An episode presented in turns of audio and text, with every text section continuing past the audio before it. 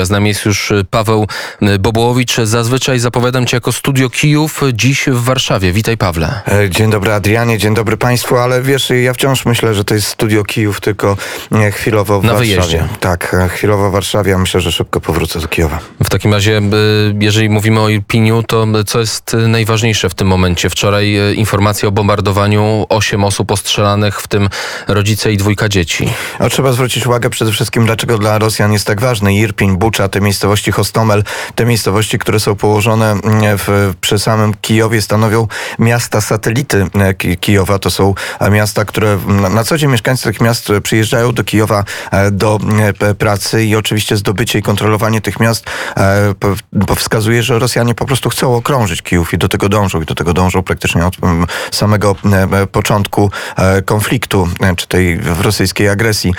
Irpiń się broni, Bucza się broni, ale metody i działania e, w armii putinowskiej są coraz e, gorsze. No, dzisiaj ta informacja sprzed chwili dosłownie e, został zabity, e, chyba powiedzielibyśmy po polsku, no, sołtys albo wójt, może raczej miejscowości Hostomel. To przypomnę to miejsce, gdzie e, były od samego początku walki, od pierwszego dnia walki o, lat, o lotnisko. Po, poraniony jest mer Buczy, czyli tej też takiej miejscowości właśnie satelity samego Kijowa, czyli widzimy nie tylko ten taki aspekt militarny, ale też zastraszania ludności, e, bestialstwa, znęcania się, e, kolejne, e, kolejne ogłaszanie przez Federację Rosyjską e, tych czasowych rozejmów, które mają umożliwić ewakuację, a wiemy, że później są zrywane. Zresztą to jest niesamowite, jak się obserwuje rosyjską propagandę, bo oczywiście rosyjska propaganda przedstawia to całkowicie inaczej.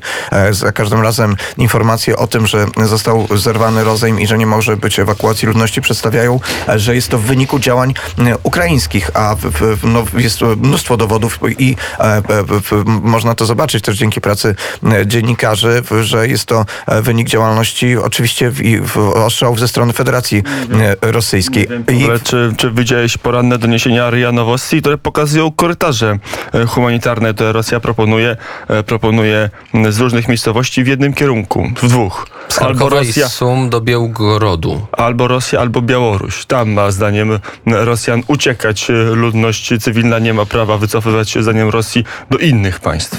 I to war, warto sobie w tym kontekście przypomnieć informacje, które wcześniej były informacje w- wywiadów e, zachodnich, które jak widzimy dzisiaj e, niestety wszystkie się sprawdziły łącznie z tym, że będą strzeliwane ukraińskie miasta, więc nie ma e, co, nie ma żadnych podstaw, żeby podważać te informacje, które wcześniej wyciekały. Przypomnę, że w tych informacjach e, była ta szokująca, że Rosjanie wchodzą z gotowymi listami osób, które należy aresztować, które należy likwidować i niestety też trzeba mieć świadomość tego, że to jest bardzo prawdopodobny e, scenariusz w związku z tym, a jeszcze te kierunki, o których mówisz, ewakuacyjne w kierunku e, Federacji Rosyjskiej, no właściwie To jest czesać, żeby tam każdego sprawdzić. Oczywiście. To wskazuje na to, że oni po prostu każdego mogą e, sprawdzić, będą tych ludzi interna, internować albo po prostu zamykać w obozach. To jest absolutnie powtórzenie scenariusza, który znamy z 1939 roku, a później niektórych elementów z 1944 roku. To jeszcze cię dopytam o Buczę i Irpień, bo wczoraj na antenie Radia Wnet Siergiusz Starosielski, to jest przedsiębiorca Rzutki, który mieszka pod Kijowem, powiedział, że wedle jego informacji te, dwa, te dwie miejscowości są już zajęte przez Rosjan. To się nie potwierdza, jak rozumiem.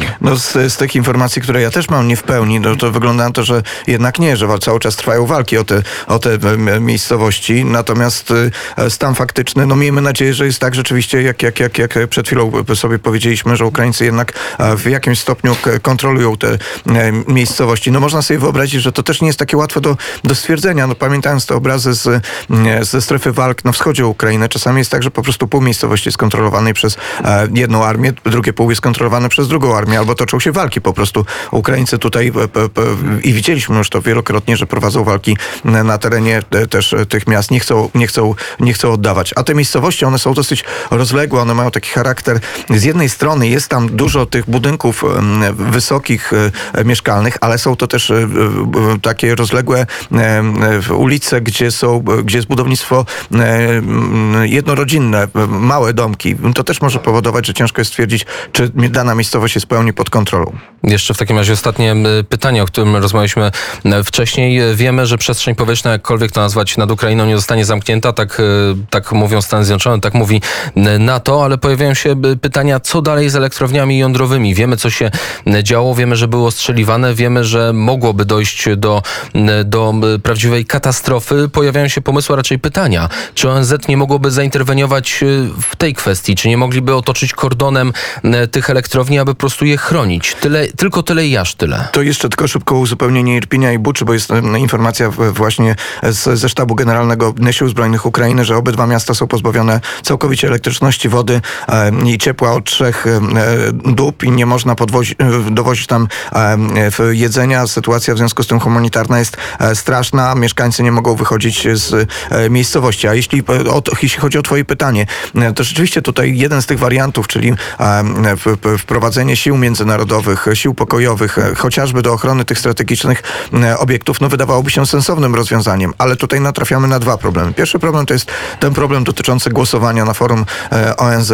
Taką decyzję, e, przed chwilą rozmawiałem z Tomaszem Lachowskim, e, ekspertem od, sprawa, od prawa międzynarodowego, e, redaktorem naczelnym e, Obserwatora Międzynarodowego i on zwraca uwagę na to, że właściwie taką decyzję powinna przyjąć Rada Bezpieczeństwa, ale ona ją może przyjąć wtedy, e, gdy nie będzie e, weta e, stałego członka Rady Bezpieczeństwa. Stałym członkiem Rady Bezpieczeństwa jest Rosja. Sprawa jest niestety, przepraszam za, za to określenie, pozamiatana. Przegrana. Tego, to, tak tego się nie, nie da zrobić. Na forum ONZ dwie, trzecie krajów musi podjąć taką decyzję, przy czym ta decyzja może budzić różnego rodzaju wątpliwości i pewnie będzie oskarżana przez Fe- Fe- Federację Rosyjską, ale tak, tego typu działania są robione. No ale teraz wyobraźmy sobie jeszcze jeden scenariusz, że uda się wprowadzić te siły e, Wszystko, co jest złe, wszystko, co się dzieje, łącznie z tym, że Federacja Rosyjska cały czas twierdzi, że nie bombarduje Ukrainy. To jest niesamowite, ale oni cały czas tak kłamią. Jeżeli e, nawet siły międzynarodowe chroniłyby te obiekty i doszłoby jednak do mm, ataku, a z wielkim prawdopodobieństwem energodarna jest już w tym momencie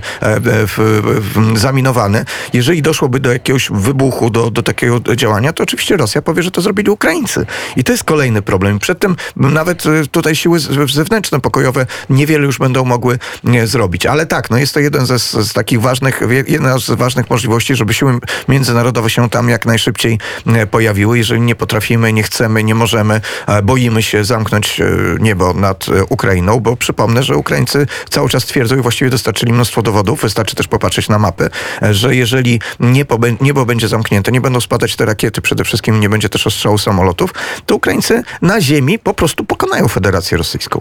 Tymczasem Rosjanie prawdy się już niebawem nie dowiedzą nie tylko z telewizji, ale też z internetu. 15 marca według doniesień medialnych ma być odcięty e, rosyjski internet od e, internetu e, globalnego. A jeszcze informacja z- od Wojciecha Szewko sprzed chwili. MSZ Ukrainy e, ponad 20 tysięcy zagranicznych ochotników e, przybyło, by walczyć z Rosją i jeszcze apel. Administracja regionalna Sumów stwierdziła, że nie uzgodniono ewakuacji i apeluje, aby nie wsiadać do żadnych autobusów. To jest możliwe, ale chyba po polsku odmienia się sum, tak swoją To, to nie, e, rzeczywiście bardzo, bardzo istotna sprawa i ważna sprawa no, dotycząca też tego, co będzie z tymi osobami, jeżeli one nawet wyjadą, bo pamiętajmy właśnie, że każde skupienie ludności to jest w pewnym sensie też niebezpieczeństwo.